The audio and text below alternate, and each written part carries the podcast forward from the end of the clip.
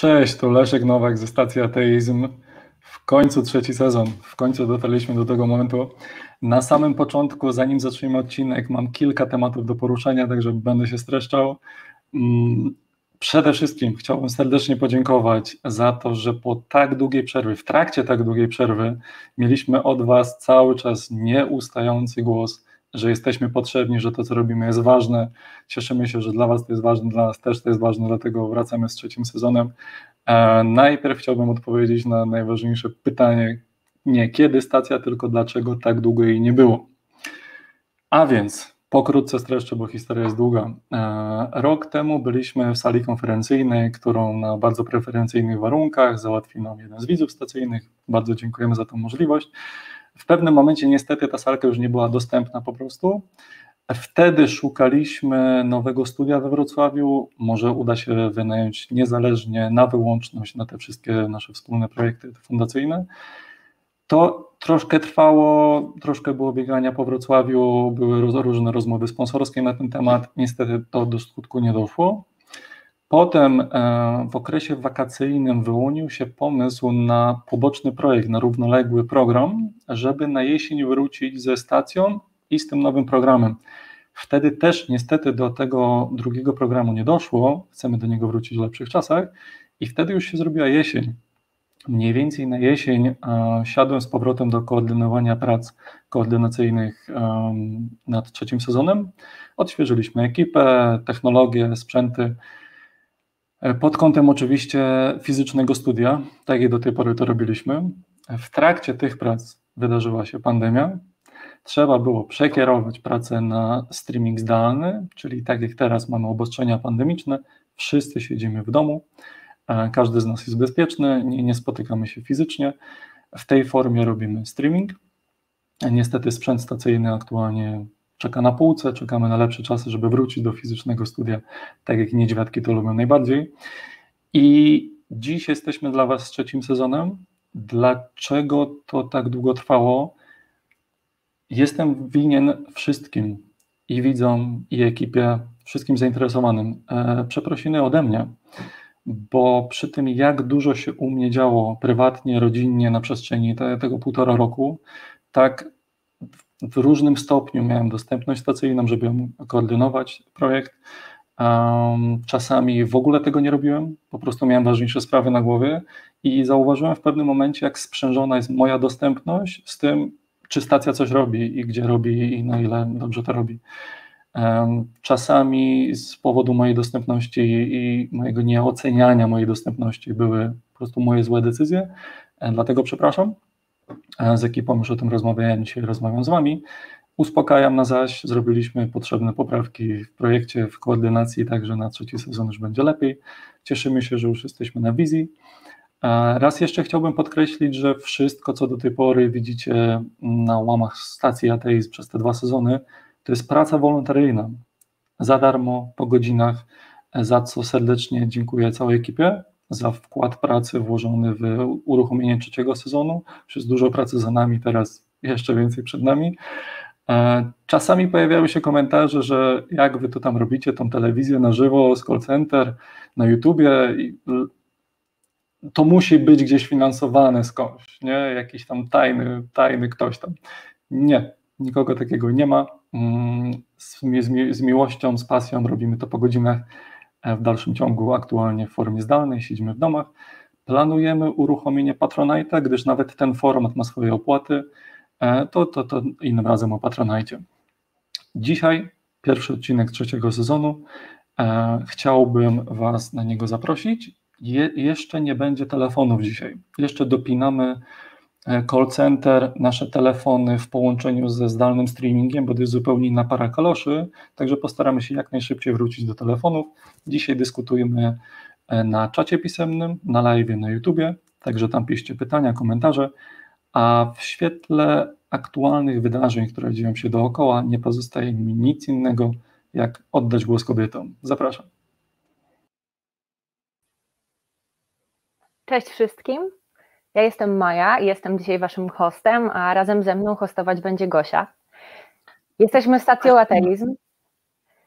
Promujemy pozytywny ateizm, podział kościoła i państwa, w sumie ich rozdział. Wspieramy dyskryminowanych ateistów i prowadzimy dialog na temat wiary.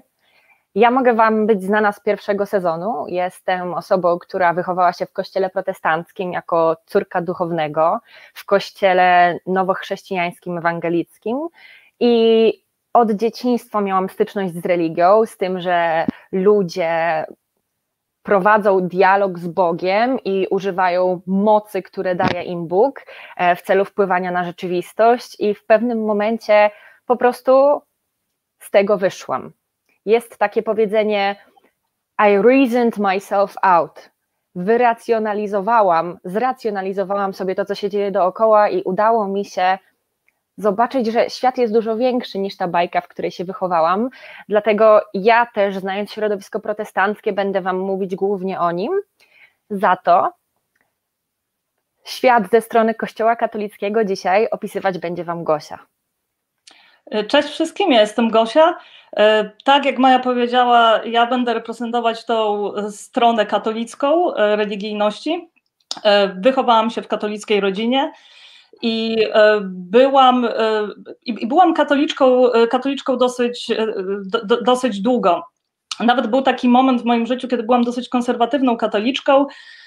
Potem uznałam, że mam dość katolicyzmu i poszłam w takim kierunku bardzo liberalnego, progresywnego chrześcijaństwa, bo Jezus był dla mnie niesamowicie ważny w takim sensie emocjonalnym. I dopiero kiedy już byłam bardzo dorosła, zdecydowałam się, zdecydowałam się e, rozstać z religią.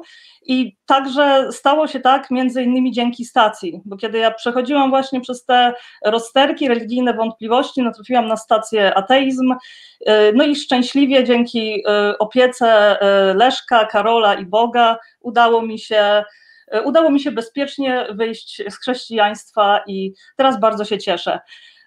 Ja mieszkam, e, mieszkam w Londynie od 9 lat, także poza tym, że będę reprezentować stronę katolicką, to też Wam trochę opowiem, jak e, religijność i w ogóle obyczaje wyglądają z tej zachodniej, bardziej sekularyzowanej strony. Dzisiaj też, jeśli będziecie mieć do nas jakiekolwiek pytania, to przypominam, że niestety nie mamy uruchomionej linii telefonicznej, ale możecie pisać w czacie na YouTubie i te pytania dla nas, hostów, będą dostępne i z chęcią odpowiemy na pytania, które chcecie nam zadać, albo poruszymy ważne kwestie, które Wy uważacie są godne zahaczenia. Także mówię, piszcie w komentarzach i obserwujcie czat na YouTubie. A dzisiejszy odcinek, e, jako że jesteśmy my dwie kobiety, poprowadzimy coś, co bardzo, bardzo w nas uderza osobiście w tym, czasu, w tym czasie w Polsce będziemy mówić ze swojej własnej perspektywy. To, co powiemy, to są nasze opinie. E, I powiem ze swojej strony, że kieruję się świeckim humanizmem, humanizmem i wszystkie opinie tutaj są opiniami, którymi proszę nie obciążać stacji. To ja, Maja i to Gosia będziemy się wypowiadać i będziemy mówić o tym, jaką rolę kobiety pełniły i jak były reprezentowane w Biblii oraz jak to wpłynęło na kulturę europejską i to, co między innymi dzisiaj mamy na całym świecie.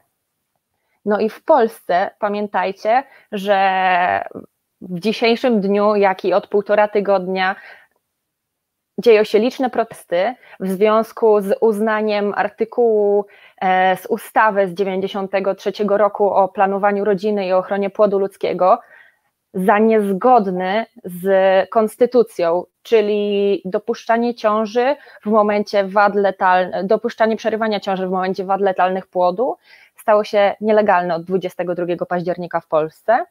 Czekamy, aż ta poprawka do prawa zostanie zaklepana, ale z tego powodu odbywają się liczne protesty. Jaka sytuacja jest w Polsce, to na pewno wiecie, ale nie wiem, czy wiecie, Protesty odbywają się też w Londynie i o tym na chwilę, zanim przejdziemy do głównego tematu, opowie Wam Gosia.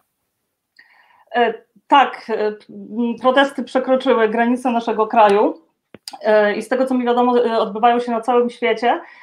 W Wielkiej Brytanii protesty odbywają się od zeszłej, od zeszłej soboty. W Londynie pod ambasadą Polski odbywają się codziennie ale także y, inne, inne miasta dołączyły do tego protestu. Z tego co wiem, dołączył y, Oxford, Plymouth, Norwich, ale chyba teraz nawet jeszcze więcej miast, ja już nie nadążam za tym.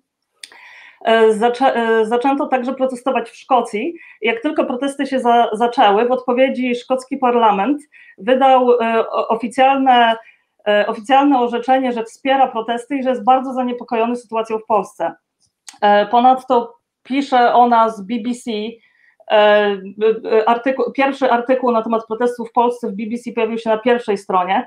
Pisze o nas Guardian, który jest jednym z najpopularniejszych dzienników Wielkiej Brytanii. E, także mówiąc krótko, zrobiła się niezła wrzawa. I e, Mo, może to pewnie niektórych ludzi zastanawiać, dlaczego ktokolwiek poza polską Polonią się w ogóle interesuje prawem aborcyjnym w Polsce. Mi się wydaje, że brytyjskie media e, mogą, mogą uważać to prawo, e, e, tą nową zmianę Trybunału Konstytucyjnego za coś szokującego, ponieważ prawo aborcyjne w Polsce jest drastycznie inne, przepraszam, prawo, prawo aborcyjne w Wielkiej Brytanii jest drastycznie inne niż w Polsce. I pomyślałam, że może właśnie przybliżę Wam tą zachodnią perspektywę, żebyśmy mieli jakieś, żebyśmy mieli jakieś porównanie.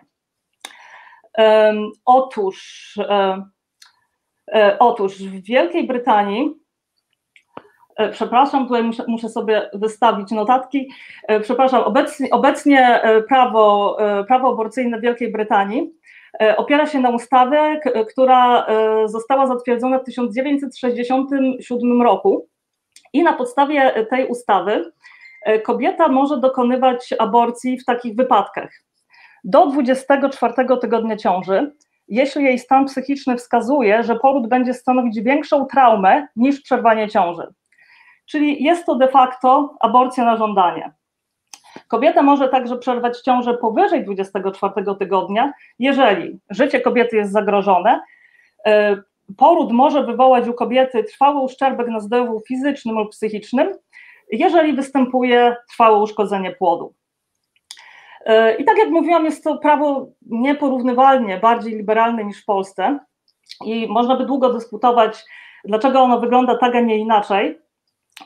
Ale uznałam, że może, żeby przybliżyć Wam właśnie ten stosunek społeczeństwa brytyjskiego do tematu aborcji, opowiem Wam o takiej sytuacji, co, e, co, co miała miejsce w lutym tego roku, ponieważ raz na jakiś czas pojawiają się głosy, żeby E, żeby zaostrzyć prawo e, e, aborcyjne dotyczące trwałych wad płodu. Są osoby, które uważają, że trzeba to prawo ograniczyć do, do 24 tygodni.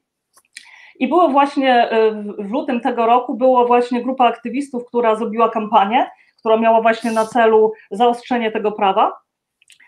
I e, ci aktywiści spotkali się między innymi z takimi odpowiedziami ze strony i Ministerstwa Zdrowia i organizacji, które, e, które zajmują się planowaniem rodziny i zdrowiem e, życia seksualnego. Czyli na przykład, Wam tu zacytuję, Ministerstwo Zdrowia i Opieki Społecznej skomentowało sytuację tak. Decyzja o przerywaniu ciąży może należeć tylko do kobiety oraz lekarzy prowadzących jej ciążę. British Pregnancy Advisory Service czyli właśnie bardzo duża, ważna organizacja, która zajmuje się zdrowiem seksualnym i świadomym rodzicielstwem, e, skomentowała tą, e, e, tą kampanię w ten sposób. Uważamy, że aborcja jest, nie jest sprawą kryminalną, lecz medyczną. Kobieta wraz z lekarzami powinna mieć prawo do podjęcia decyzji o swojej ciąży bez sztywnych restrykcji prawnych. Jedyne, czego chcą kobiety, to dokonać możliwie najlepszego wyboru z punktu widzenia swojej własnej rodziny. Nie widzimy żadnej sprzeczności w bronieniu praw, praw osób niepełnosprawnych przy jednoczesnym bronieniu praw kobiety do podejmowania decyzji o swojej własnej ciąży.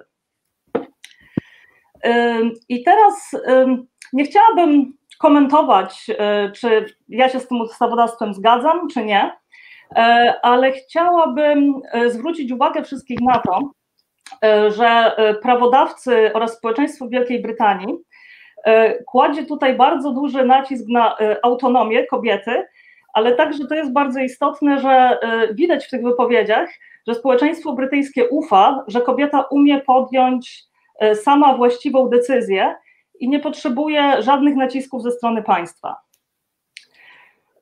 I cóż, no, tak jak mówiłam, jest to zupełnie, jest to sytuacja zupełnie inna niż, niż w Polsce. I myślę, że ta różnica może wynikać stąd, jaki, jaki jest wpływ Kościoła na, na, jaki jest wpływ Kościoła na, na, na polski rząd, a jaki jest wpływ Kościoła na rząd brytyjski.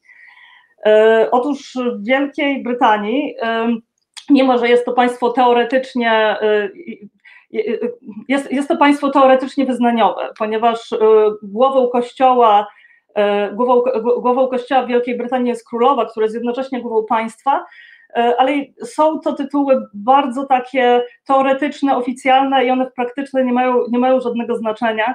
E, w praktyce rozdział kościoła od państwa w Wielkiej Brytanii jest, jest całkowity. I żaden, żadna religia, żaden kościół nie ma żadnego wpływu na decyzje polityczne, na ustawodawstwo, ani nic takiego żaden, ja nigdy oglądając media głównego nurtu nie widziałam e, jakiegokolwiek biskupa, który by się wypowiadał na temat decyzji podjętych przez rząd.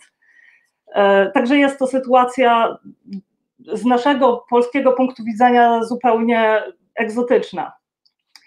E, I teraz jakby chciała, myślę, że teraz trochę odejdziemy od tematu aborcji sensu stricto i trochę poszerzymy E, właśnie poszerzymy to spektrum naszego tematu, e, ponieważ będziemy mówić o kulturze, e, o kulturze judeo-chrześcijańskiej, która ma bez wątpienia ogromny wpływ na polskie społeczeństwo i na polskie prawodawstwo. Także teraz ja i Maja będziemy zajrzymy do, do samego rodzenia tej kultury i przyjrzymy się e, Biblii i temu, jak kobiety są przedstawiane w Biblii i jak cała e, kultura, która e, według nas uprzedmiotawia kobiety, właśnie wpływa na życie kobiet we współczesnym życiu. Tak jest, bo brak wolności o decydowaniu o własnym ciele między innymi o macicy, jest tylko jednym z wielu aspektów dyskryminacji kobiet w dzisiejszym społeczeństwie. I to są aspekty takie jak praca zawodowa, w biznesie, praca zawodowa jako naukowcy, kobiety mają, kobiety mają dużo trudniejszą karierę naukową, ale pytanie, z czego to wynika? Będziemy mówić o Biblii, i tematem dzisiejszego odcinka jest taka niedoskonała wersja mężczyzny, czyli kobieta. Ponieważ w Biblii kobiety są opisywane jako ludzie drugiej kategorii, gorszego sortu. Spójrzmy prawdzie w oczy, Biblia jest książką uczącą, jak zniewalać kobiety. Biblia narzuca kobiecie niższy status, narzuca jej nieczystość, obwinia o występki, które tak naprawdę występkami nie są i nakazuje im przestrzegać ustanowionego przez sprawiedliwego Boga związku typu mistrza sługi z mężczyzną, z mężem, z bratem, z panem. I jako protestantka mam pytanie, dlaczego kobiety udzielają się w chrześcijańskich kościołach? Dlaczego kobiety zostają głowami kościołów? Skąd ta odraza do własnej płci, tudzież niemożliwa do niezauważenia hipokryzja? Albo jawne omijanie tych części Biblii, które są nastawione przeciwko kobietom. Kobiety w Biblii są dobytkiem, ojcowie je posiadają, sprzedają i poświęcają ich życie. E, w Kościele katolickim nie tyle spotykamy się z kobiecą hipokryzją, co z nadmierną uległością, prawda, Gosiu? E, tak, ja bym powiedziała, że w Kościele e, katolickim, jeżeli chodzi o traktowanie kobiet, nie ma zupełnie żadnej hipokryzji. Sprawa jest jasna, kobieta ma służyć i to widać za każdym razem, kiedy czasem raz, y, raz na jakiś czas pojawia się ktoś, kto mówi, dlaczego kobiety na przykład nie mogą, y, nie mogą być kapłankami. To od razu jest z góry mówione, że nie, bo to nie jest rola kobiety. Tak jest, a w kościele protestanckim kobiety kapłankami zostają. I chciałabym wejść w ten temat, zaczynając od pierwszego listu do Koryntian. Pierwszy list do Koryntian to jest jeden z wielu fragmentów biblijnych, którego autorstwo przypisuje się Pawłowi Starsu i w dokumencie tym okazane jest typowo niestety mizoginistyczne nastawienie mężczyzn do płci przeciwnej. Cytując list do Koryntian 14, 34, 35, niech niewiasty na zgromadzeniach milczą, bo nie pozwala się im mówić, lecz niech będą poddane, jak i zakon mówi, A jeśli chcą się czegoś dowiedzieć, niech pytają w domu swoich mężczyzn, bo nie przystoi kobiecie w zborze mówić. I widzimy tutaj, jak bardzo boskim prawem kobieta jest, no tak naprawdę e, przybijana do muru. Ona wie, że nie może się odezwać i nie może też się wypowiadać, nie może pytać, nie może zdobywać wiedzy. Dodatkowo mężczyźni mogą cieszyć się większą swobodą podczas odprawiania rytuałów religijnych. Kobieta natomiast zmuszona jest do naprawdę restrykcyjnego dostosowywania się do wymogów stawianych jej przez doktrynę, tak jak nakrywanie głowy. Nie wiem, czy wiecie, ale w pierwszym liście do Koryntian jest napisane 11, 5 do 10. Każda kobieta, która się modli albo prorokuje z nienakrytą głową, hańbi głowę swoją. Bo to jest jedno i to samo, gdyby była ogolona, bo jeśli kobieta nie nakrywa głowy, to niech się też strzyże, a jeśli hańbiącą jest rzeczą dla kobiety być odstrzyżoną albo ogoloną, to niech nakrywa głowę. Mężczyzna bowiem nie powinien nakrywać głowy, gdyż jest obrazem i odbiciem chwały Bożej. Lecz kobieta jest odbiciem mężczyzny, bo nie mężczyzna jest z kobiety, ale kobieta jest z mężczyzny.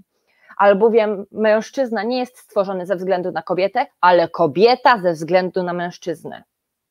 Dlatego kobieta powinna na głowie mieć oznakę uległości ze względu na aniołów. Widzimy tutaj, że nie tylko w domu wobec mężczyzny kobieta powinna być uległa, ale także w hierarchii w świątyni kobieta powinna być uległa. Nie zaprzeczam temu, że Jezus mówił, że przed Bogiem ostatecznie wszyscy są równi, ale chodzi tu o to, jak traktowane kobiety, traktowano kobiety i na co Bóg się zgadzał. Nie było takiego momentu w Biblii, w którym Bóg trzasnąłby piorunem i powiedział: Nie gwałćcie kobiet, one są wam równe. Nie kradnijcie dziewic dla siebie. Nie było takiego momentu. No i przechodząc do dalszej części listu, widzimy, że w całej tej wypowiedzi użyto trybu rozkazującego, e, a on wskazuje na bezwarunkowe posłuszeństwo. Mężowie powinni postarać się, aby ich żony nie odzywały się na zgromadzeniach, a uległe panie, panie same nie powinny nawet podejmować próby przemawiania w społeczności. I swoją opinię, opinię apostol Paweł oparł tu oczywiście na Starym Testamencie, bo w pierwszym liście do Koryntian 14:34 lecz, niech będą poddane, jak zakon mówi, jest bezpośrednie odniesienie do księgi Genezis, czyli pierwszej księgi Mojżeszowej, w której napisano: Ku mężowi twojemu pociągać cię będą pragnienia twoje, on zaś będzie panował nad tobą. I tak. niestety tak jest. Tak, i właśnie e, cieszę się, że wspomniałaś o tym fragmencie, bo dla mnie on jest w ogóle e, taki e, niesamowity, ponieważ to, to też wygląda tak, jakby ta uległość kobiety była też formą kary dla kobiety za, za grzech pierworodny, bo właśnie ten fragment, który przeczytałaś, on się pojawia wtedy, kiedy Bóg właśnie mówi, zwraca się do kobiety, żeby ją ukarać. I czyli jest to forma, ta uległość to jest forma kary i także wynika z tego bezpośrednio, że, że to kobieta że to kobieta jest przyczyną tego zła, że to kobietę należy winić za grzech pierworodny i e, e, kobieta jest kimś, komu właśnie nie można ufać, bo sprowadza, e, bo sprowadza nieszczęście, dlatego właśnie musi się poddawać, musi się poddawać mężowi i musi w pełni podporządkować. I mamy tutaj ciekawy komentarz od pierwszego sekretarza Robar, który mówi: No dobra, ale dawno się odeszło od zasad Biblii, szczególnie od Starego Testamentu, i teraz kobiety, szczególnie w Polsce, mają nieporównywalnie więcej przywilejów i lepszy status. Tak, ale chciałam zwrócić uwagę, że fragment, który przytoczyłam, jest z Nowego Testamentu. Czyli to nie jest tak, że Stary Testament jest zły, Nowy Testament jest dobry, bo to właśnie w Nowym Testamencie wypowiadają się Paweł i inni apostołowie Jezusa, mówiąc o tym, że kobieta nie powinna wywyższać się nad męża, lecz go słuchać. Poza tym też uważam, że warto jest dodać, że ja nie słyszę, nie wiem jak jest w kościołach protestanckich, nie mam tego doświadczenia, ale ja nie słyszałam, żeby kościół katolicki się odcinał od Starego Testamentu. Także nie było, ja, ja w każdym razie nigdy nie słyszałam, czy nie czytałam jakiejś encykliki papieskiej, gdzie papież czy jakaś znacząca osoba duchowna by powiedziała, że no cenimy Stary Testament, bo wiadomo, że to jest historia narodu żydowskiego, z którego się wywodzi Chrystus, ale uważ nie uważamy, że on reprezentuje naszej moralności, bo to, to i to. Y, Także uważam, że to, co jest w Starym Testamencie, mamy prawo traktować jako, jako część doktryny. Tak jest, ale wracając do Nowego Testamentu, który, na który w kościele i protestanckim, tak naprawdę i katolickim kładzie się na niego nacisk ze względu na to, że to tam dochodzi do odkupienia wszystkich grzechów, do zbawienia, do zmycia tego brudu, który był przed e, ukrzyżowaniem Jezusa i przed jego zmartwychwstaniem. No to w pierwszym liście do Tymoteusza, i tutaj proszę, żeby wszystkie panie pastorowe lub duchowne z Kościoła katolickiego uważnie słuchały, e, jest napisane, że kobieta niech uczy się w cichości i w pełnej uległości, niech ewentualnie w Biblii Gdańskiej inny przykład, niewiasta niech się uczy w milczeniu ze wszelkim poddaństwem. Nie pozwalam zaś kobiecie nauczać ani wynosić się nad męża, natomiast powinna zachowywać się spokojnie. I tutaj znowu przykład gdański, bo niewieście nie pozwalam uczyć ani władzy mieć nad mężem, ale by była w milczeniu. Tu nawet nie jest mowa o tym, żeby kobieta była równa. Tu jest mowa o tym, żeby kobieta była całkowicie poddana. Bo najpierw został stworzony Adam, i nie Adam został zwiedziony, lecz kobieta, gdy została zwiedziona, popadła w grzech. Także Jedynym zbawieniem też Tymoteusz, e, do tym, w liście do Tymoteusza jest wspomniane, że jedynym zbawieniem jest dla nas rodzenie dzieci. Zbawiona zaś zostanie przez rodzenie dzieci, jeśli wytrwają w wierze i w miłości i uświęceniu z umiarem. E, nie mówi się tutaj o równości między kobietą a mężczyzną.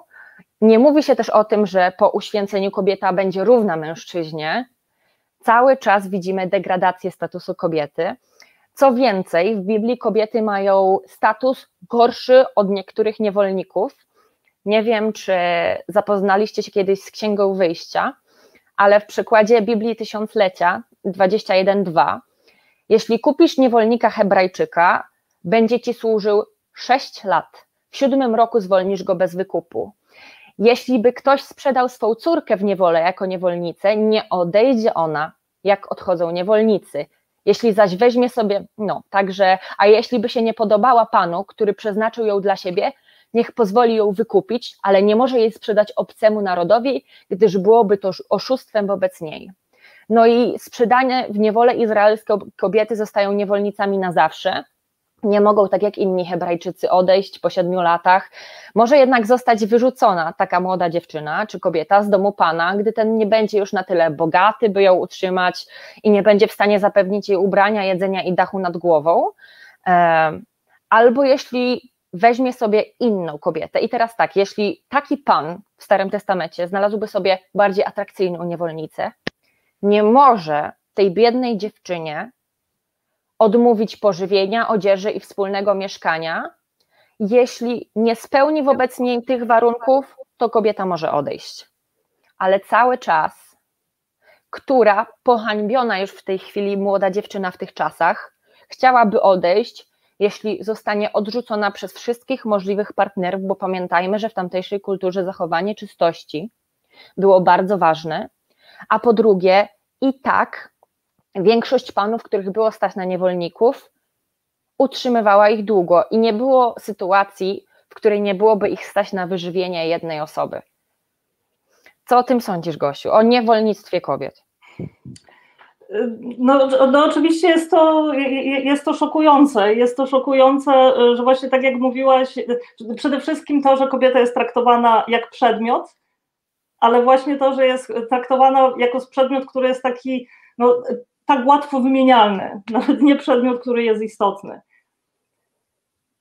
No. Tak samo w kapłańskiej księdze, tutaj 15, e, nie wiem czy wiecie, ale jeśli ktoś będzie uprawiał seks z dziewczyną, wylewając nasienie, a ta dziewczyna, nie daj Boże, już została zaklepana, tudzież zaręczona innemu panu, e, i dodatkowo ta dziewczyna jest niewolnicą, więc nie posiada jakiejkolwiek wolności osobistej, to i ona, i jej gwałciciel będą biczowani. Ona ma o tyle lżejszy wyrok, że nie zabijają jej, ponieważ jest niewolnicą, a nie wolną kobietą. W momencie, w którym mamy dziewczynę, która musi być oległa nie tylko ze względu na swoją płeć, ale też ze względu na swój status społeczny, ponieważ jest poddana swojemu panu, to będąc zgwałcona, ponosi ona za to winę. Tak, i tutaj też jest ciekawe, że ta, ta kwestia, o której mówiłaś, że tego wylewania nasienia, bo ja tak rozumiem, że to nawet nie chodzi teraz tylko o uprawianie seksu z kobietą, która należy do kogoś innego, ale o jej możliwość zapłodnienia, czyli to też jakby oznacza, że kobieta jest traktowana jako, pewne, jako pewien zasób reprodukcyjny. I w momencie, jeżeli ktoś inny ją zapłodni, no to wtedy to jest jakby strata tego zasobu dla, dla narzeczonego. Tak jest. I oprócz tego kobiety są pomijane w takich błahych rzeczach jak spis ludności, bo nie wiem czy wiecie, ale w Księdze Liczb, w którym dokonywano spisu ludności i rodów w trakcie przebywania na pustyni, e, uwzględniano jedynie mężczyzn, kobiety nie były wliczane e, w spis ludności, e, więc no to też mówi nam o pozycji kobiety w społeczeństwie. No i oprócz tego w Księdze Powtórzonego Prawa jest pewna jedna bardzo kontrowersyjna rzecz, e, znowu odnośnie gwałtu. Jest napisane w Księdze Powtórzonego Prawa, już Wam mówię, gdzie dokładnie, 22, 22, 23, 24, że jeśli kobieta została zgwałcona w mieście, to ona, jak i jej gwałciciel zostaną ukamienowani, ponieważ rozumowanie osób, które pisały Biblię jest takie, że skoro została zgwałcona w mieście i nikt jej nie pomógł, to najwyraźniej nie krzyczała o pomoc.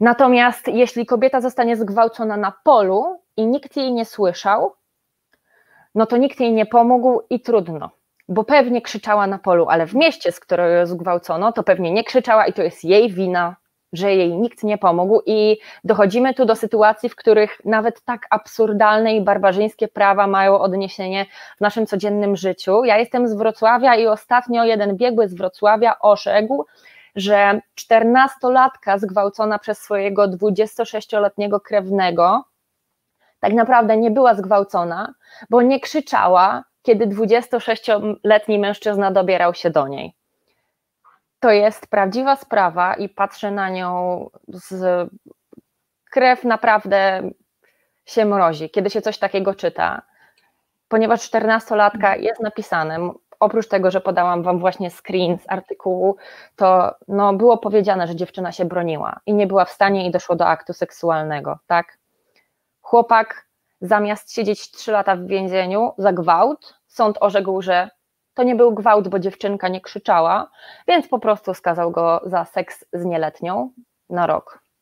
Tak, także nam się może wydawać, bo właśnie tak jak mieliśmy ten komentarz, że o, że to jest Stary Testament, że nam, my czytamy to i wszyscy sobie myślą, o to są jakieś odległe czasy, to są w ogóle jakieś prymitywne zasady, jest tysiące lat później, a właśnie y, nasza moralność, widać, że, znaczy nasza moralność, nasza kultura cały czas czerpie z tego typu moralności i to wciąż jest nas obecne.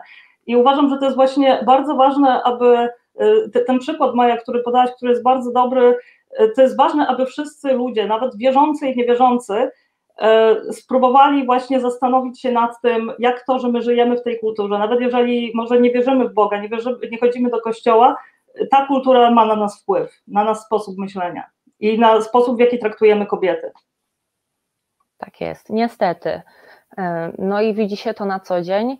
Ja, jako młoda dziewczyna wychowana w kościele protestanckim, e, wielokrotnie będąc na ślubach, czy to moich znajomych, czy znajomych moich rodziców, kiedy jeszcze byłam mała, na każdym ślubie słuchałam, że mężczyzna jest głową domu i on i ona wchodzą w związek po to, żeby stać się jednym ciałem, w którym mimo to ona jest uległa i to on jest panem domu. Także mimo, nazwijmy to, tej takiej sztucznej równości, nawet w trakcie rzeczy tak ważnej jak ceremonia zaślubin, przypomina się o tym, że wchodząc w małżeństwo, kobieta nigdy nie będzie równa mężowi w domu. Przed Bogiem może, tak, ale w domu nie. Tak. No i tak samo mhm. jest dokładnie w Kościele katolickim i e, też ja bardzo często e, uwielbiam oglądać e, telewizję, w ogóle media katolickie i zwłaszcza te dotyczące właśnie wychowania w rodzinie, jakiegoś wychowania żon i tak dalej. I bardzo często się to podkreśla, że kobieta to jest specjalistka od relacji, że ona ma takie cechy właśnie biologiczne i nadane przez Boga, które ją czynią specjalistką od relacji. I to ma się wydawać jako taki pozorny komplement, ale w gruncie rzeczy, jak właśnie się, rozwija się ten wątek, oznacza to, że to kobieta jest odpowiedzialną osobą za, za spokój i ognisko rodzinne. Czyli, że właśnie ona się musi mężowi podporządkować jednocześnie sprawić, żeby rodzina była szczęśliwa, żeby mąż był szczęśliwy, żeby dzieci były szczęśliwe. Czyli cała ta odpowiedzialność za dobre funkcjonowanie rodziny spada na kobietę. Odpowiedzialność to jest także wina, jeżeli coś nie wyjdzie. Niestety. I najczęściej konsekwencje frustracji mężczyzny w domu e, albo niepowodzenia dzieci, albo stresujących sytuacji z dziećmi ponosi kobieta w rodzinie. E, to, że mąż jest nieobecny, wychowanie dzieci przychodzi na matkę. I tak jest w wielu kulturach europejskich do dzisiaj. I kobietom jest trudno z tego powodu. Mój narzeczony często nie zauważa, z jak wieloma trudnościami ja, jako młoda kobieta, studiująca nauki przyrodnicze, chcąca rozwijać się naukowo oraz będąca osobą pracującą fizycznie, jakie trudności mam, na przykład ze znalezieniem pracy. E, ponieważ większość moich współkolegów e, w zawodzie jest mężczyznami i praca jest typowo fizyczna, więc naprawdę mam problem i komentarze e, pełne mizoginii na Facebooku czy na innych mediach społecznościowych kobiety mają trudniej wszędzie, naprawdę i niestety nawet w domu. A czy w tych środowiskach na przykład często czujesz, że jako kobieta nie jesteś mile widziana albo że musisz pracować więcej, żeby zasłużyć na, na, na dobrą reputację? To drugie, muszę pracować więcej, żeby zasłużyć na dobrą reputację i jestem mniej brana na serio.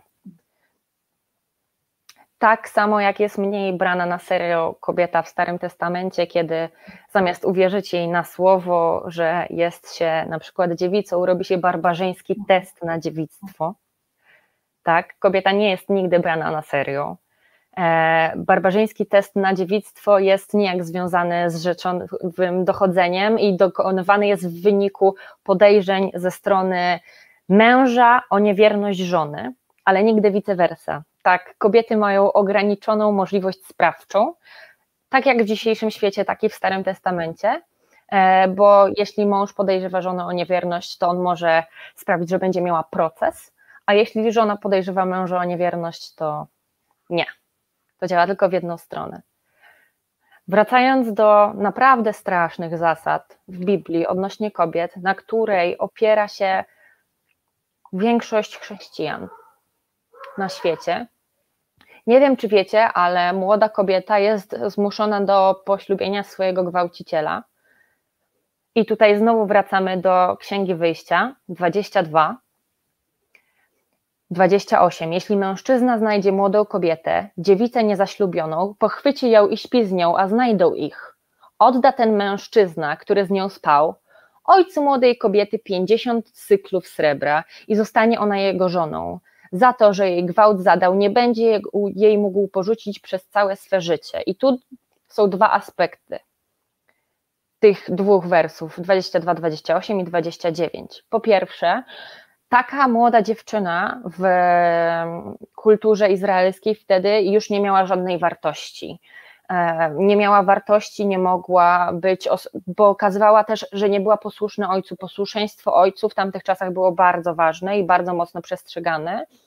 Na przykład, kiedy uważano, że panna młoda nie jest dziewicą, to robiono to nie dlatego, że jak strasznie się zhańbiła, tylko że była nieposłuszna ojcu, który jest głową domu i sama ta kwestia nieposłuszeństwa wobec męskiego dozorcy była już strasznie hańbiąca. A druga rzecz, e, no i to tak z negatywnym wydźwiękiem dla tej młodej dziewczyny, która musiała całe swe życie już zostać ze swoim gwałcicielem. Ona nigdy nie mogła uciec z rąk swojego oprawcy i na zawsze pozostawała w więzieniu z mężczyzną, który zadał jej krzywdę wbrew jej woli, a teraz jeszcze wbrew jej woli będzie to mógł robić legalnie według prawa biblijnego. No i mimo to, że ona nie może uciec z tego związku, jest zmuszona do bycia w nim, to mąż może rozwieść się z kobietą za jej wady, cechy, które będzie uważał za nieprzyzwoite i znowu nie vice versa. Tu 24.1. Jeśli mężczyzna poślubi kobietę i zostanie jej mężem, lecz nie będzie jej darzył życzliwością, gdyż znalazł u niej coś odrażającego, napisze jej list rozwodowy, wręczy go jej, potem odeśle ją od siebie.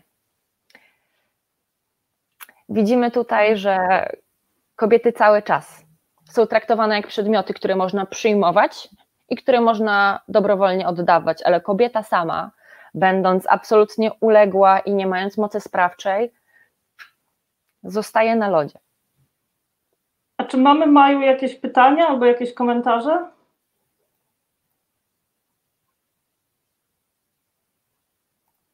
Tak jest.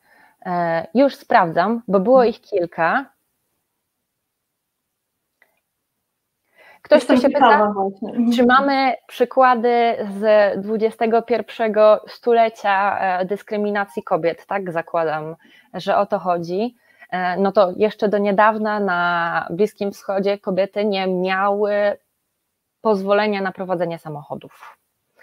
Ta rewolucja stała się niedawno, kilka lat temu i w krajach e, arabskich kobiety nie mogły prowadzić aut, ponieważ arabscy i islamscy naukowcy twierdzili, że jest to szkodliwe dla kobiecych macic. Ja bym nawet nie wchodziła w świat arabski, bo ja myślę, że my mamy w świecie europejskim wystarczająco dużo dyskryminacji. E, sam przykład, który po, po, podałaś odnośnie wyroku sądu we Wrocławiu, odnośnie tej zgwałconej dziewczyny, to jest właśnie przykład dyskryminacji. E, jeżeli nie traktujemy, jeżeli my nie wierzymy ofierze, tylko szukamy jakichś dziwnych, dziwnych luk, żeby uniewinnić gwałciciela. Także myślę, że to jest dobry przykład dyskryminacji. Niestety. Oczywiście nie chcemy tutaj być osobami, które mówią, że dyskryminacji wobec mężczyzn nie ma w naszym kraju, bo dyskryminacja wobec mężczyzn też jest. Tu się pojawiło jedno, jeden komentarz związany z tym, że to mężczyzn się dyskryminuje. E, Prawda jest taka, mężczyźni mają dużo mniejsze szanse o prawo do, na, do opieki nad dziećmi w sądach w trakcie bitwy e, rozwodowej i większość, w większości przypadków opieka nad dzieckiem przypada kobiecie. To nie jest fair i nie mówimy, że dyskryminacja mężczyzn się nie zdarza, ale. Aczkolwiek ja mam do tego komentarz, bo to mhm. jest też fajny przykład, który ja się zgadzam, że to nie jest sprawiedliwe, że zawsze, że, że przeważnie się oddaje dzieci y, matce, a nie ojcu, ale również uważam, że ta, ta dyskryminacja mężczyzn wynika właśnie stąd, że jest w naszej kulturze, właśnie uważam niestety seksistowskiej kulturze, to przekonanie, że to kobieta jest, y, że to matka jest tym prawdziwym rodzicem i że to na matce spoczywa obowiązek wychowania dzieci. I uważam, że to jest właśnie taki dobry przykład tego, jak czasem patriarchat odbija się rykoszetem na mężczyznach i kiedy oni, e, e, przepraszam, oni, mężczyźni, e, mają jak najbardziej potrzebę bycia blisko z dziećmi, teraz często są właśnie od nich odgradzani właśnie przez te wcześniejsze patriarchalne przekonania, że to kobieta tylko ma, ma, prawdziwą relację z dzieckiem. Mhm. I tu kolejne pytanie. Jeśli Kościół uprzedmiotawia rolę kobiet, to dlaczego tak wiele kobiet będących w Kościele się na to godzi? To jest też jedno z moich głównych pytań.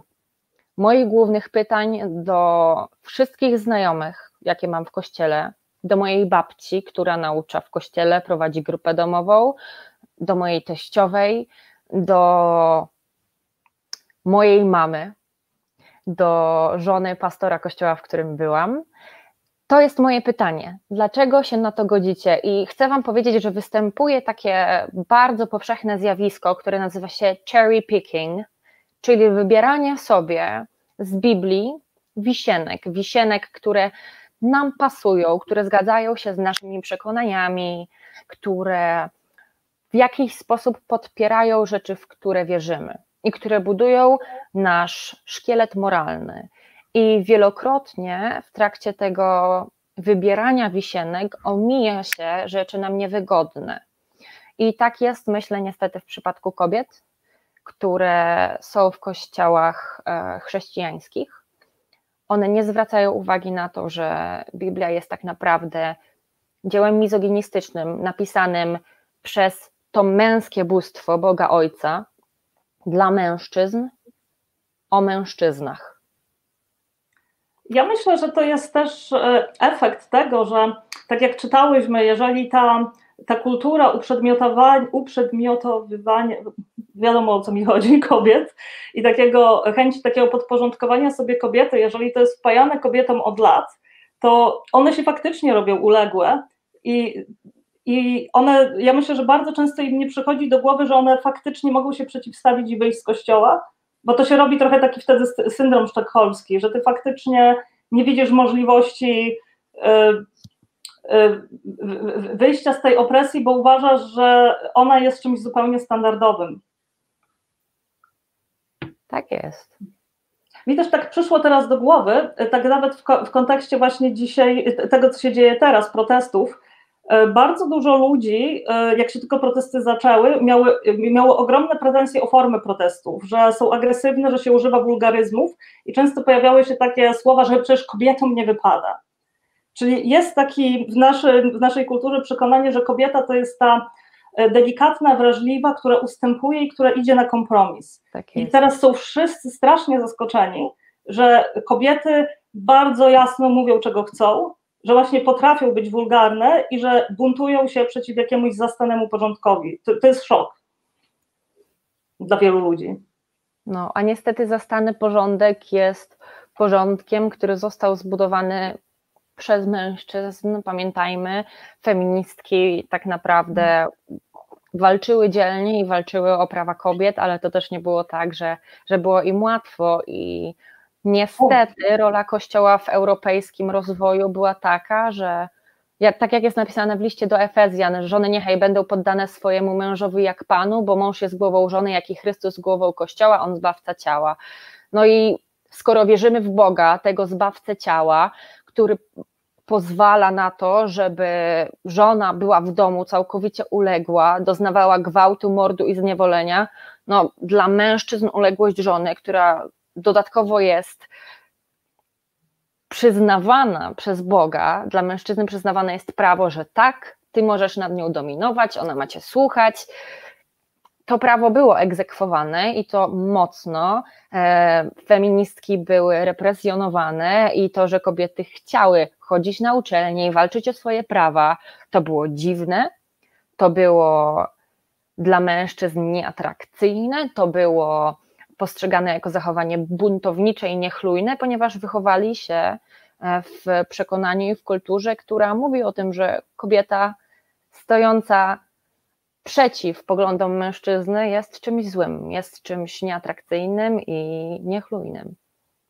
Nawet demoralizującym. Tak jest. To, że kobieta może decydować o tym, co robi z własnym ciałem. Tak jest, tak mocno dzisiaj się piętnuje to, że o jak to nastolatki czerpią od tych e, roznegliżowanych influencerek e, przykład. To są osoby, które decydują o swoim ciele i kiedyś to było w świecie nie do pomyślenia, że można zdecydować, co się chce zrobić z własnym ciałem. Mimo to, że mężczyźni mogli robić wiele rzeczy, to kobieta musiała prosić o pozwolenie mężczyzny. I tak samo nie wiem, czy wiecie, ale w Starym Testamencie, kiedy e, kobieta zostawała wdową, to nie mogła wybrać, za kogo wyjdzie, musiał poślubić ją e, brat jej męża, jej zmarłego męża. Kobieta nie miała władzy nad swoim własnym ciałem. Tak jak dzisiaj ma problem, żeby w naszym kraju tą władzę nad swoim własnym ciałem utrzymać. Y, tak, tak, dokładnie, y, dokładnie tak jest i, i mam wrażenie, że właśnie y, y, tylko, w, jeżeli już mamy te, przejść znowu do, do kwestii orze, orzeczenia TK, myślę, że właśnie ciąża jest takim bardzo szczególnym przy, przykładem, ciąża u kobiety, kiedy my odmawiamy komuś autonomii do własnego ciała, bo we wszystkich innych przypadkach my uważamy to za za takie nasze podstawowe prawo, że ciało to jest coś, co jest takie ewidentnie od początku do końca nasze. To nie jest nawet coś jak, jak własność prywatna na zasadzie, nie wiem, pieniędzy domu, tylko to jest coś bardzo, bardzo osobistego.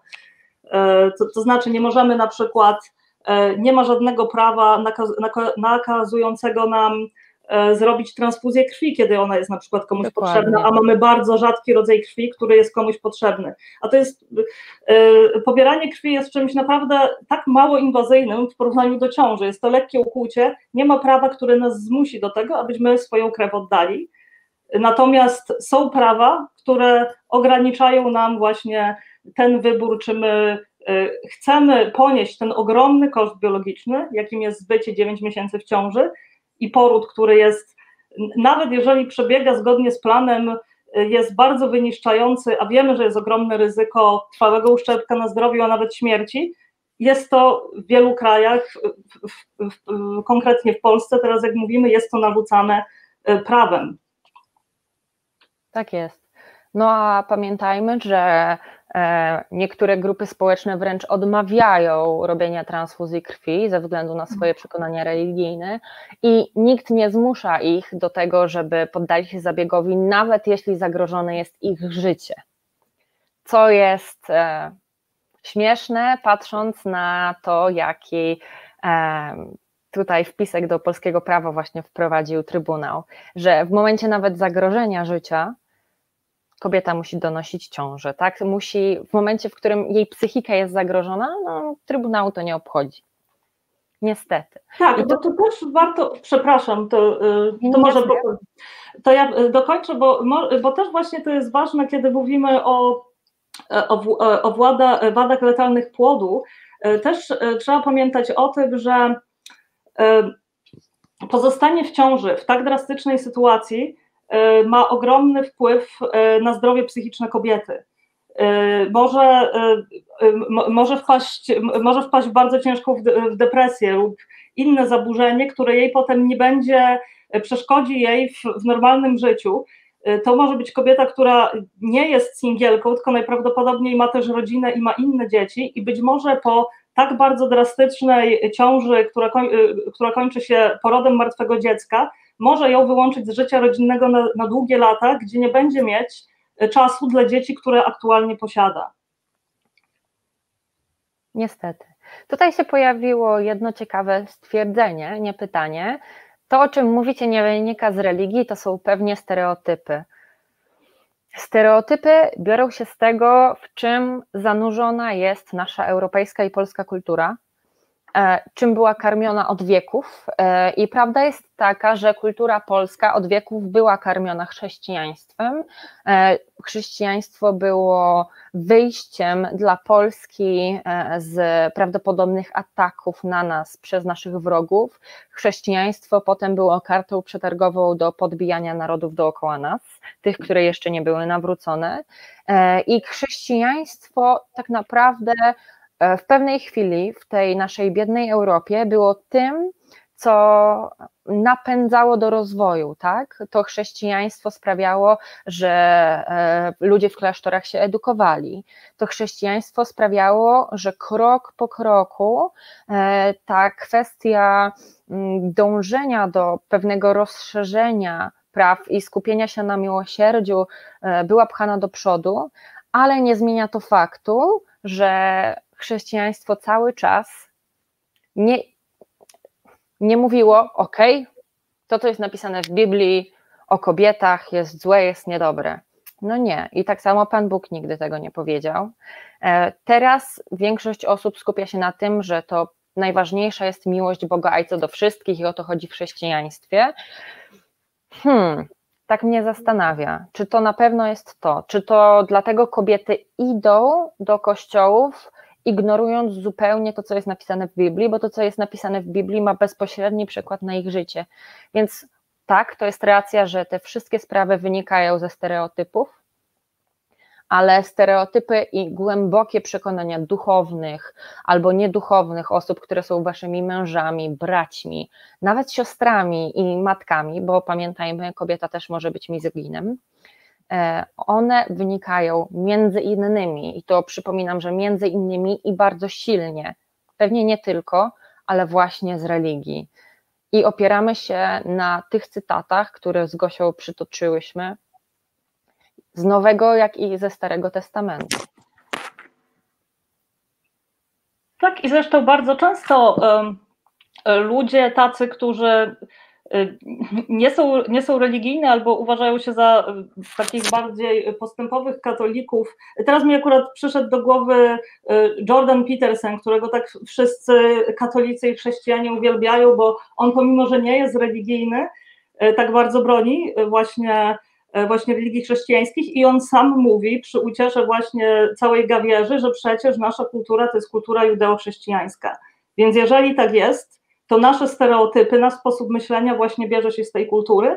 I powiem, powiem tak, i to są rzeczy dobre i złe. Ja nie mówię, że wszystko w kulturze judeo-chrześcijańskiej jest oczywiście złe, jest oczywiście złe, są pewnie też rzeczy dobre. E, no, no ale musimy, właśnie my chcemy uświadomić E, tutaj e, te, te elementy kultury chrześcijańskiej, które odpowiadają za mizoginię w naszym społeczeństwie. I trzeba je przede wszystkim zaadresować, bo bardzo dużo moich znajomych, dziewczyn przede wszystkim, ona nie jest świadoma tego, co jest w Biblii. Bo albo Biblii nie czytają, albo uczy się je ignorować te fragmenty, które niestety mają tak bezpośredni wpływ na otoczenie, w którym żyją.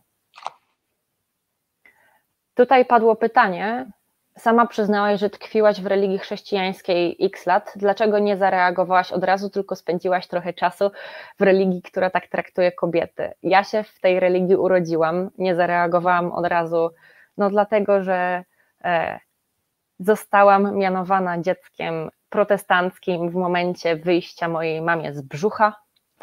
E, I taki, taki świat był mi znany przez 15 lat i to w nim się obracałam jak w tej hermetycznej, zamkniętej bańce, e, w której wszystko, co jest dookoła, jest złe, jest grzechem, jest e, dziwactwem i trzeba to tępić i trzeba głosić, bo tylko my mamy prawdę, inne odłamy oczywiście protestantyzmu nie mają tyle racji co my, a Kościół katolicki to już w ogóle się myli i to są poganie, no i ja tak naprawdę doszłam do tego, że coś tu jest nie tak e, w około 15-16 roku życia, kiedy przeczytałam w końcu całą Biblię e, i mogłam, mogłam zadać sobie pytanie, kurczę, o co w tej książce chodzi? Dlaczego w kościele wszyscy mówią tylko o tych dobrych rzeczach, a tak naprawdę większość Biblii jest, jest taka zła, taka pełna krwi. Um, I wtedy zaczęłam się zastanawiać, kurczę, dlaczego w ogóle Bóg posadził to drzewo? Przecież on wiedział, co się stanie. On wiedział, że ludzie zjedzą owoc, wiedział to, bo jest wszechwiedzący. E, dlaczego on posadził to drzewo? No posadził to drzewo, wiedział, że ludzie z niego zjedzą, wiedział, że będą wygnani, wiedział, że będzie musiał zesłać syna, żeby się poświęcić za tych ludzi, którym drzewo tam posadził, żeby mogli ludzie zamiast trafiać do piekła, trafiać do nieba i czcić go na wieczność. Gdyby nie zjedli owocu, nie mogliby zostać odkupieni i czcić go na wieki wieków. Ale ten dobry i wspaniały Bóg mógł zaoszczędzić ludziom tyle cierpienia, nie stawiają krótko, tak, tak mówiąc krótko, ta historia się kupy nie trzyma. Tak. I, jakby na nią nie spojrzeć. I tak jak mówię, zaczęłam interesować się filozofią, e, weszłam też mocno bardzo w nauki przyrodnicze, które obecnie studiuję i no dopiero wtedy tak naprawdę nie mogłam od razu wyjść z religii, bo wychodzenie z czegoś tak głębokiego, w czym ja byłam, z takiej sekty, niestety, bo to była bardzo mm, charakterystyczna sekta, która wchodzi w życie swoich e, wyznawców, która e, bardzo mocno się interesuje i emocjonalnie uzależnia cię od siebie. No trzeba było kupy lat, tak, nauki dla mnie, żeby no, móc z tego wyjść. W moim przypadku ja bardzo żyłam długo E, w takim konflikcie ponieważ ja od samego ja oczywiście też się wychowałam w rodzinie katolickiej, ale mi się ta to, w jaki sposób są kobiety traktowane w katolicyzmie, mi się nie podobało nigdy, ale miałam bardzo długo, miałam takie przekonanie, że to można pogodzić, że ja mogę pogodzić moją wiarę w Boga przy jednoczesnym niezgadzaniu się na wiele katolickich dogmatów, włączając właśnie te, które, e, które w jakiś tam sposób kobiety, kobiety dyskryminują. E, ale im, i, I, tak właśnie podobnie jak ty mówiłaś, to było dla mnie religia też była czymś takim, co bardzo mocno we mnie tkwiło e, emocjonalnie. To było coś, z czego bardzo mi było ciężko zrezygnować. I nawet kiedy ja zaczęłam e, potem na własną rękę właśnie badać, badać Biblię, dostrzegać właśnie e, to, że to nie jest dyskryminacja pojedynczych księży, ale że to jest pewna dyskryminacja systemowa. I też za, zaczęłam dostrzegać pewne luki, jeżeli chodzi o doktrynę, teologię katolicką, czy w ogóle nawet chrześcijańską. E, mój e, emocjonalny związek z Jezusem był tak silny, że ja nie umiałam tego odpuścić. I dopiero w, pew, w pewnym, znaczy w pewnym momencie, to były, to były długie lata pewnej, pewnej pracy, którą ja włożyłam e, w siebie, pozwoliłam sobie na to, żeby jakby stanąć samodzielnie, bez tego właśnie,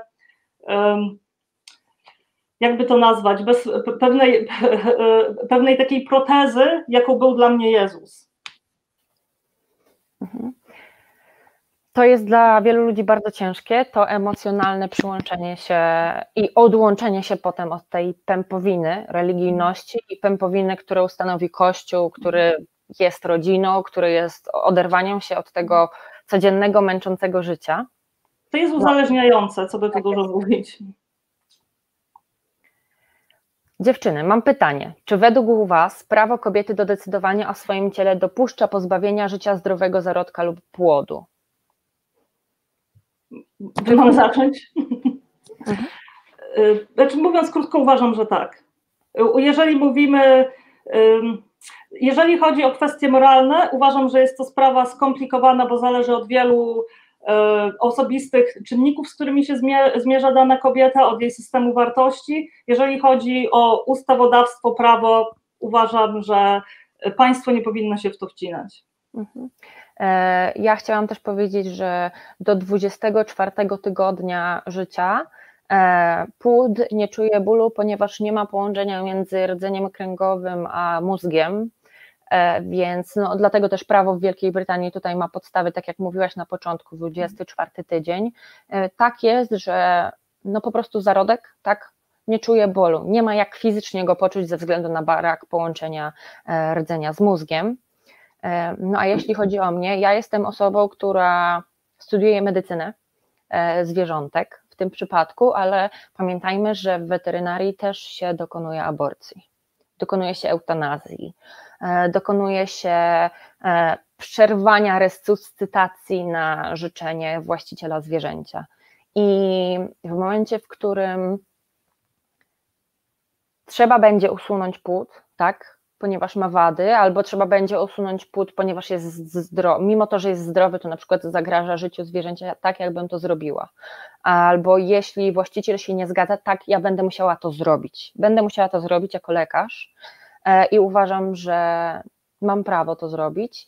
E, uważam też, że kobiety, które mimo tego, że zarodek jest zdrowy, powinny mieć możliwość usunąć ciążę, ponieważ nie wiem, czy wiecie, ale walka, często walka z chorobami, które są po porodzie, takimi jak depresja, to jest walka dużo cięższa niż na przykład utrata dziecka ze względu na wady letalne. E, często depresja sprawia, że osoba staje się całkowicie niezdolna do funkcjonowania w rodzinie, w życiu społecznym i dla dziecka. E, I w momencie, w którym państwo nie bierze pod uwagę stanu psychicznego swoich obywateli, kiedy już ma tego dorosłego obywatela z wykreowaną osobowością, poglądami, który przeżywa, który cierpi, którego coś obchodzi, no tutaj trzeba stawiać nacisk na to, że walczymy o dobro tego, kto już jest z nami, bo pamiętajmy, że tego płodu, tego zarodka z nami jeszcze nie ma i tak jak mówię, kwestie medyczne też bardzo mocno mają tu znaczenie. I nie będę poświęcać, uważam, że państwo nie powinno poświęcać życia albo nawet zdrowia psychicznego, bo to już nie mówimy o życiu, ale zdrowia psychicznego swoich obywateli tylko dla, dla własnego widzimisię. I to takiego naprawdę zagrażającego życiu, bo depresja to jest poważna choroba, która często do końca życia zostawia swoje ślady.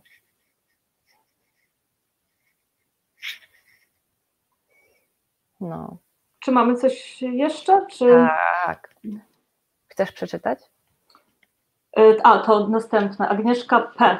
Dlaczego na zgniłym zachodzie państwo pomaga w opiece nad chorym dzieckiem, y, a w waszym katolickim kraju ciężko znaleźć rodzinę, która zaadoptuje ciężko chore dziecko? Y, to jest pytanie dobre dla Jarka. Tak, właśnie tak czytam je, no i, no i cóż, mogę, cóż mogę odpowiedzieć. Chyba za dużo nie możemy w tej kwestii. Chyba, chyba, chyba nie, nie, nie musimy już tego komentować. No. Ale dziękujemy za komentarz. A co powiecie e, o tym, że odbiera się komuś unikalną możliwość do istnienia? Mówi, pyta Grzegorz. Ja ci powiem tak, za każdym razem, jak się masturbujesz, odbierasz komuś unikalną możliwość do istnienia. Więc ja na Twoim, jakby ten pogląd poprowadziłby nas do tego, że każdy mężczyzna powinien za każdym razem zapłodnić kobietę, żeby nie odbierać unikalnej możliwości do istnienia. To tak nie działa. Cały świat jest, każdy kłaczek kurzu jest unikalny w naszym świecie, ale odbieranie komuś unikalnej możliwości do istnienia to jest tak naprawdę abstrakcyjne. Tak. Jak można coś abstrakcyjnego komuś odebrać? To jest nawet trochę tak, że za każdym razem, kiedy nie uprawiasz seksu, odbierasz komuś unikalną możliwość do istnienia, bo w tym czasie mogłoby dojść do zapłodnienia. E, natomiast w momencie, kiedy już doszło do zapłodnienia, bo ja rozumiem, że pewnie tutaj e, autor komentarza zmierza do tego, że kiedy już dojdzie do zapłodnienia, no to to już jest jakby inny materiał genetyczny niż e, z pojedynczego plemnika albo z pojedynczej komórki jajowej. Ale powiem tak, za każdym razem, kiedy tutaj wrócę właśnie do tej autonomii ciała odbierasz komuś niepowtarzalną możliwość do kontynuowania życia, kiedy nie oddajesz swojego szpiku kostnego, kiedy nie oddajesz krwi, y, kiedy nie oddajesz nerki, kiedy możesz śmiał, y, całkiem nieźle żyć tylko z jedną nerką. I, I, ja jestem zdania, że e, tak jak mówiłam wcześniej, ciąża i poród jest tak ogromnym kosztem biologicznym dla kobiety, że uważam, że może wybrać, że, że nie chce ponosić tego kosztu. Mhm. Tutaj Grzegorz w pewnym sensie odpisał nam, e, a jeśli płód jest zdrowy i nie zagraża życiu matki, to czy nie lepiej jest urodzić, a potem oddać, jeśli się nie chce, co myślicie? Ja uważam, że każda kobieta powinna mieć wybór. Jeśli w naszym państwie funkcjonowałby świetny system e, opieki nad e, dziećmi, które potrzebują rodzin zastępczych, to myślę, że nie jedna młoda dziewczyna byłaby zainteresowana czymś takim. E, tak samo, jeśli w naszym państwie istniałby świetny i bezpieczny dostęp do aborcji. Niestety w naszym państwie wiele rzeczy nie działa i nieraz jest tak, że ja mam koleżankę, która jest z systemu opieki e, rodzin zastępczych, to nie jest tak, że to jest wspaniałe życie.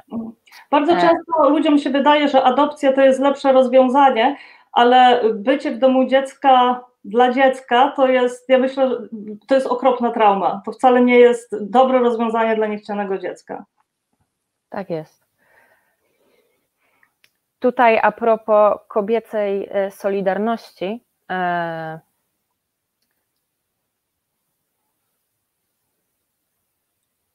e mam przeczytać, tak? No. E, Alicja, biedne jesteście, współczuję ale jako tak silnie pokrzywdzone jesteście, to idźcie na terapię, a nie do ludzi. Do ludzi. E, Alicjo, chciałabym, jeśli jeszcze z nami jesteś. Um, mogłabyś sprecyzować. Tak jest, bo bardzo mnie ciekawi, co tak bardzo nas krzywdzi.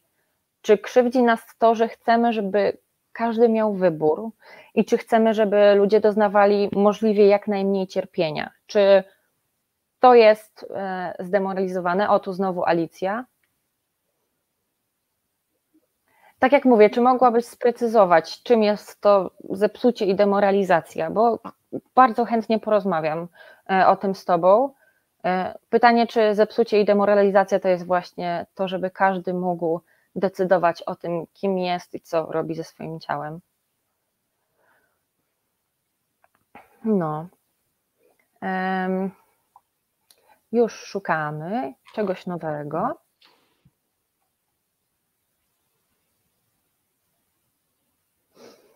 No. Tak jak mówię, dziewczyny na co dzień muszą zmagać się z wieloma problemami. E, I mnie bardzo dziwi to, że e, w kościele tak bardzo też nie porusza się tematu dyskryminacji kobiet. E, nie porusza się tematu, nie, nie modli się o to, o dobry Boże, daj nam równe prawa. Tego się nie robi. O to, żeby walczyć, wychodzą dziewczyny i chłopaki na ulicę w takich tygodniach jak ten, który minął i który będzie ale w kościołach, w kościołach ja osobiście nigdy nie uświadczyłam tego, e, żeby kobiety się modliły, Panie Boże, daj e, kobietom dyskryminowanym w krajach, w których dochodzi do, do dyskryminacji równe prawo. Nie, nie robiło się tego nigdy. E, I to było zawsze omijane i zupełnie wywalane za, poza horyzont, tym się nikt nie interesował. I nie wiem, czy wiecie, ale w Polsce jest kilka kobiet, które reprezentują e, środowiska między innymi protestanckie i głoszą. I głoszą mimo tego wszystkiego, co jest napisane w Biblii, e, i ich e, wykłady, kazania można znaleźć na, na stronach kościołów, w których głoszą i do których na, należą. E, te panie to między innymi Jonna Godawa z Wody Życia albo Agnieszka Śmieja ze Słowa Życia albo e, Agnieszka Piątkowska z WDJ-u, Monika Zuber z Kościoła e, Ewangelicko-Metodystycznego w Ełku, Izabela Szafraniec, Kiedzyn Ministry Polska, Wiktoria Luczyk, Maja Kowalczuk. To są kobiety, które publicznie wypowiadają się kościołach, które nauczają, mimo tego wszystkiego, co Wam przeczytałyśmy, mimo tego, że kobieta musi siedzieć cicho, mimo tego, że kobieta powinna dopiero w domu pytać męża, mimo tego, że kobieta nie powinna się wychylać, że to ona jest stworzona ze względu na mężczyznę, a nie mężczyzna ze względu na kobietę. I chciałabym Wam zadać takie szczere pytanie. Dlaczego? Dlaczego nie poruszacie w swoich kazaniach albo w rozważaniach tych fragmentów Biblii, o których mówiłyśmy. Dlaczego ich unikacie? To jest też pytanie do mojej babci, która bardzo zezłościła się, kiedy jej to zadałam. Babciu, dlaczego głosisz i prowadzisz grupy domowe, mimo tego, że Pan Bóg ci tego zakazuje? I babcia wtedy zrobiła się bardzo zła i powiedziała, że ale taka była ich kultura. Ja mówię, okej okay, babciu, ale ty żyjesz według ich kultury codziennie i omijasz tylko ten fragment. Doszło do zażartej dyskusji, niestety, e, zejścia z tematu i no jestem, dziewczyny, jestem bardzo ciekawa, te panie, o których wspomniałam, dlaczego? I chciałabym usłyszeć waszą odpowiedź w formie maila, posta na Facebooku, Albo chociaż, żebyście przemyślały, napisały do mnie na fejsie, bo ja do dzisiaj tego nie rozumiem. Nie wiem, co ty sądzisz o tym, Gosiu. Ja właśnie jak się słucham, to ja mam takie uczucia zupełnie przeciwne, w tym sensie, że ja y, y, zupełnie rozumiem y, tą nieściślą, którą wskazałaś, ale moje uczucia jako osoby żyjącej w tym środowisku katolickim to były właśnie takie, że, że jak kobiety mogą sobie pozwolić na to, że tak je się degraduje, że kiedy się właśnie pojawia to pytanie, czemu, czemu kobieta nie może być księdzem, to wszyscy mówią, bo Bóg tak chciał. Nie ma e, w środowisku Jezusa apostołowie byli mężczyznami. I e, ja się zgadzam, że Kościół katolicki jest bardziej konsekwentny, ale z kolei mnie co zawsze piekło, że, że, że dlaczego, że, że, że, dlaczego właśnie kobiety się na to zgadzają i nie widzą w tym problemu. Mhm. Że jest to przewodnictwo mężczyzn, że to mężczyźni o wszystkim decydują i na dobrą sprawę to nawet jeżeli by y, iść właśnie za słowami e, świętego Pawła, które przeczytałaś, to kobieta tak naprawdę nie ma wpływu na swoją religijność, bo ona musi się słuchać męża, czyli ona nawet nie może tak naprawdę zdecydować, kim chce być. Tak jest. Jeżeli mielibyśmy faktycznie konsekwentnie tego słuchać.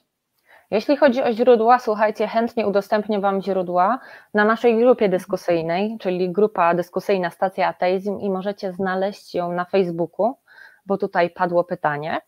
E, więc jeśli takie jest Wasze życzenie, to tak, na grupę wrzucę linka do wszystkich cytatów, z których korzystałam. I tutaj ciekawe pytanie. Możesz przeczytać. Kazin, a ja się zastanawiam, czy prowadzący spróbowały zrozumieć, to, o co tak naprawdę chodzi przeciwnikom aborcji, jakie są ich motywy. Wątpię, że oni to robią z nienawiści do kobiet. To tak. jaka jest w takim razie inna. To znaczy, myślę, że to nie jest tak, że przeciwnicy aborcji siedzą sobie i myślą, o, ale my nienawidzimy kobiet i chcemy im przeszkadzać, ale ja myślę, że oni y, y, mają mają tak głęboko zakażeniony pewien obraz kobiety, jako właśnie tej osoby, która e, zawsze się poświęca, która właśnie jest taka delikatna, łagodna i która musi być matką, bo przecież kobieta zawsze, e, e, zawsze się będzie cieszyć z dziecka, zawsze będzie, zawsze dziecko będzie dla niej najważniejsze, nawet jeżeli mówi, że nie chce, to, to pewnie jak się urodzi, to wszystko będzie dobrze. Myślę, że ten obraz jest tak bardzo głęboko zakorzeniony, że często ci ludzie nie są się w stanie postawić w tej sytuacji, że kobieta może chcieć czegoś innego, że ona może mieć inne wartości, że mogła mieć inne plany wobec siebie. No kwestia, jest, mhm. tak. kwestia jest też taka, że bardzo wielu ludzi e, postulujących za tak zwanym pro-life e, uważa, że to nienarodzone dziecko e, w momencie, w którym kobieta za nie decyduje, no nie można tak robić i kobieta powinna je urodzić i trzeba chronić to dziecko, tak? Przed, tu już nie chodzi nawet o nienawiść do kobiet, tylko o to, jak e, pewne omijanie naukowych faktów odnośnie tego, jak kształtuje się jakiekolwiek życie, e, ma wpływ na to, jak postrzegają tacy ludzie no, rozwój człowieka i że u nich już od momentu często zapłodnienia trzeba to życie chronić. Dla nich ta ochrona tego, i tu jest kwestia niewinnego w tej chwili życia, bo kobieta już jak chce popełnić to, ten straszny czyn aborcji, ona już jest wtedy winna, ona jest zepsuta, zniszczona i trzeba chronić to niewinne życie. I ja myślę, że to nawet kobieta jest traktowana za zepsutą, bo ona już żyje, bo jeżeli ktoś ma poglądy religijne, to kobieta już ma grzech pierworodny, także jakby już nie jest niewinna z zasady. No, także tutaj też myślę, że to nie tyle chodzi o nienawiść do kobiet, co ignorowanie tego e, cierpienia, które niestety będzie, czy tego chcemy, czy nie, i skupianie się na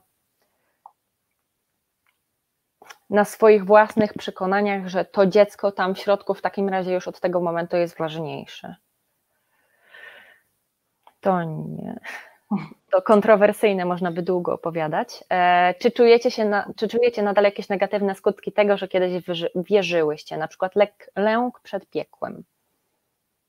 E, ja odkąd przestałam wierzyć, to się właśnie czuję fantastycznie, e, ponieważ ja kiedy byłam wierząca, to oczywiście wierzyłam w piekło i wierzyłam w szatana. Ja wierzyłam w szatana y, tak bardzo, jak wierzyłam w Boga i y, byłam bardzo y, byłam bardzo przejęta w ogóle takimi zjawiskami jak opętanie, jak to, że szatan właśnie jakoś uczestniczy w naszym życiu, zwodząc nas na przykład. I ja bardzo często nie mogłam spać, bo bałam się, bo, bo bałam się opętania. Naprawdę się autentycznie, fizycznie bałam się opętania, tak jakby była to rzecz, która może mi się realnie właśnie teraz w tym momencie przydarzyć. I kiedy przestałam wierzyć w Boga, to y, w taką właśnie ulgą sobie za chwilę pomyślałam, zaraz, to skoro nie istnieje Bóg, to szatan też nie, czyli nic mi już nie grozi. Także u mnie to y, zadziałało bardzo korzystnie. A to ciekawe, bo u mnie jeszcze w trakcie bycia chrześcijanką ja doszłam do wniosku, że w sumie jak istnieje piekło, dlaczego, nie? I tylko po to, żeby ludzie tam mogli trafić i ewentualnie zostać odkupieni, albo żeby to była kara za to, że ludzie nie uwierzyli w Boga. I doszłam do wniosku, że taki Bóg, który tworzy piekło no tylko z tego powodu, a niby jest całkowicie miłosierny i łaskawy, że taki Bóg musi być bardzo pyszny i być nastawiony i narcystyczny, być nastawiony na to, żeby tylko i wyłącznie e, zabierać ze sobą ludzi mu przychylnych i chwalących go na wieki wieków. A narcystyczność Boga jakoś bardzo w moim umyśle nie zgadzała się z jego wszechdobrem i taką neutralnością. I ja już wtedy przestałam wierzyć w piekło, mimo to, że wierzyłam cały czas w Boga. E, no ale obecnie nigdy, nie, nie miałam, nie doświadczyłam nigdy czegoś takiego jak negatywne skutki wiary. Nigdy. Na szczęście. Jestem, jestem wolną od tego osobą.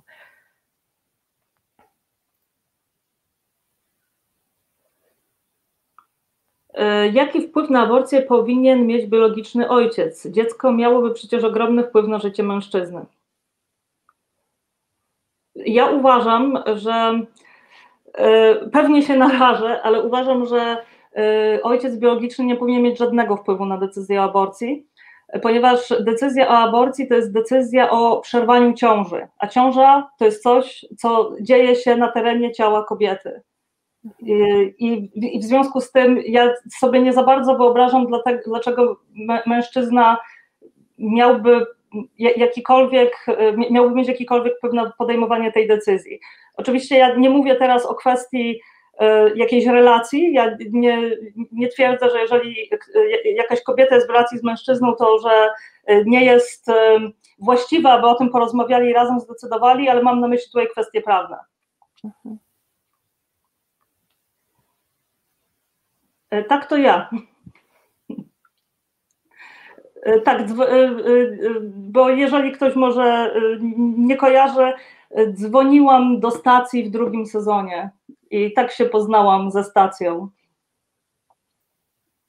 Tak jest. Także może kiedyś ktoś z Was też wyląduje z nami przed kamerą. Nie, może tak się zdarzyć. Może się tak zdarzyć.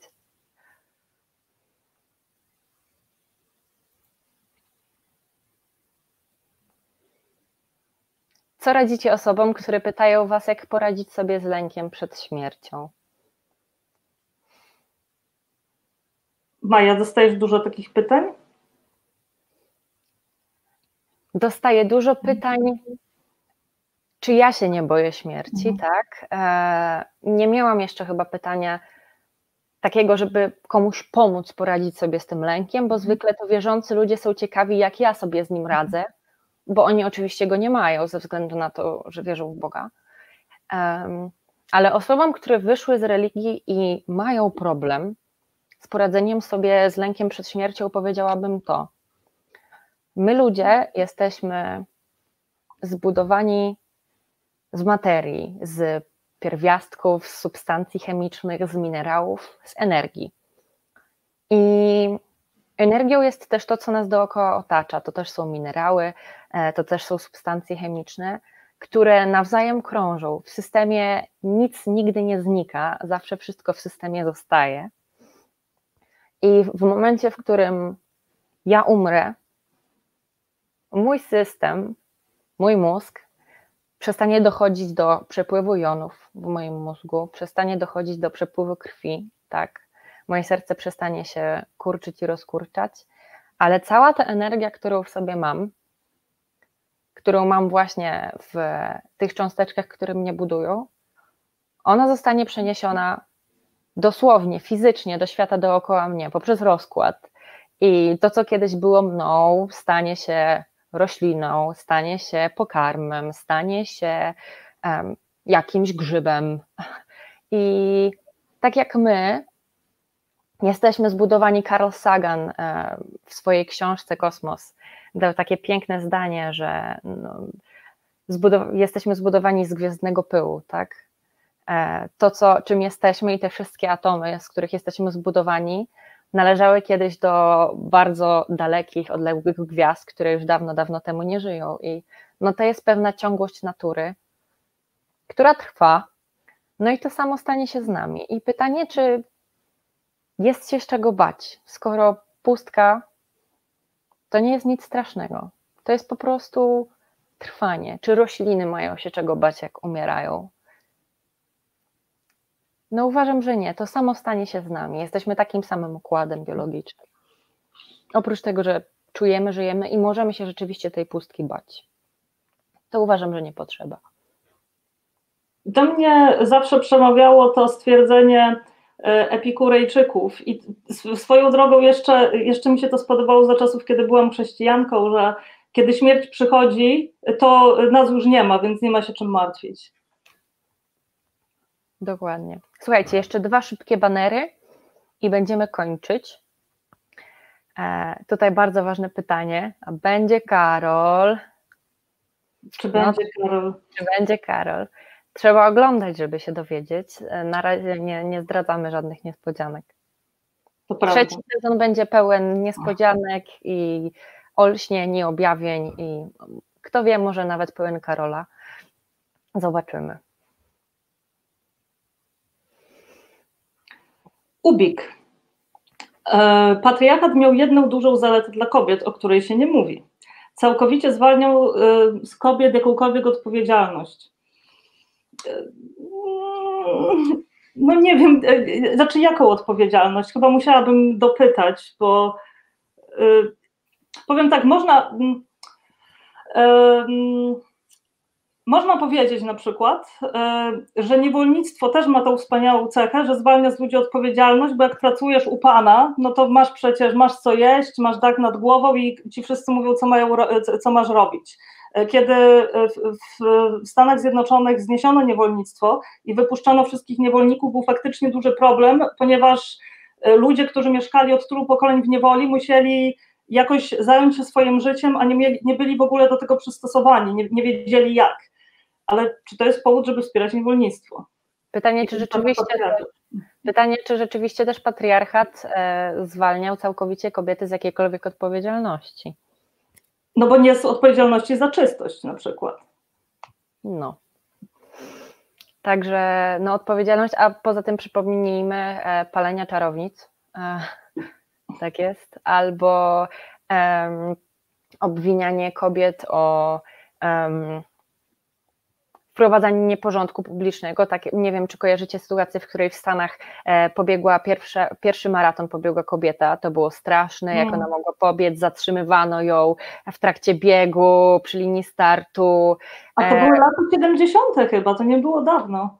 Nakładanie odpowiedzialności kobiet, na kobiety o demoralizowanie młodszych pokoleń kobiet, o demoralizowanie swoich córek i wnuczek, no także patriarchat obwiniał kobiety, no nie zwalniał ich całkowicie z odpowiedzialności. No nie, nie mogę się z tym zgodzić. I tak jak mówiłyśmy, patriarchat ten religijny choćby nawet obwinia kobietę za grzech pierworodny i tak za jest. przeniesienie nieszczęścia na świat. Tak jest. I tym, hmm, tym akcentem będziemy kończyć dzisiejszy odcinek. Słuchajcie, super, że z nami byliście na pierwszym odcinku trzeciego sezonu. Pamiętajcie, że możecie śledzić nas na YouTubie, na Facebooku, na Instagramie. Piszcie do nas na grupie dyskusyjnej, wchodźcie na Facebooka, piszcie maile kontakt małpastacja myślnikateizm.pl i pamiętajcie, żeby śledzić to, co się dzieje dookoła Was w świecie, bo dzięki temu możecie mieć na niego wpływ. E, chciałabym też wspomnieć tutaj na sam koniec o kilku ważnych inicjatywach, które mają bardzo mocny wpływ na to, co się dzieje w Polsce. E, między innymi o ogólnopolskim strajku kobiet, e, o grupie na Facebooku Niech droga do świeckiego, do świeckiego państwa, czy plakaciary przeciw przemocy wobec kobiet i o aborcyjnym Dream Team. Jeśli ktoś z Was chciałby zaangażować się w ich pracę albo chciałby się dowiedzieć więcej na temat ich działalności, to walcie na ich strony facebookowe, e, bo to są w tym momencie organizacje, które mogą pomóc sprawić, że ten kraj będzie krajem lepszym dla każdego obywatela. No i to tyle na dzisiaj. Widzimy się za tydzień. Dzięki Gosiu, że ze mną byłaś. Ja również dziękuję. I dziękuję wszystkim też. No,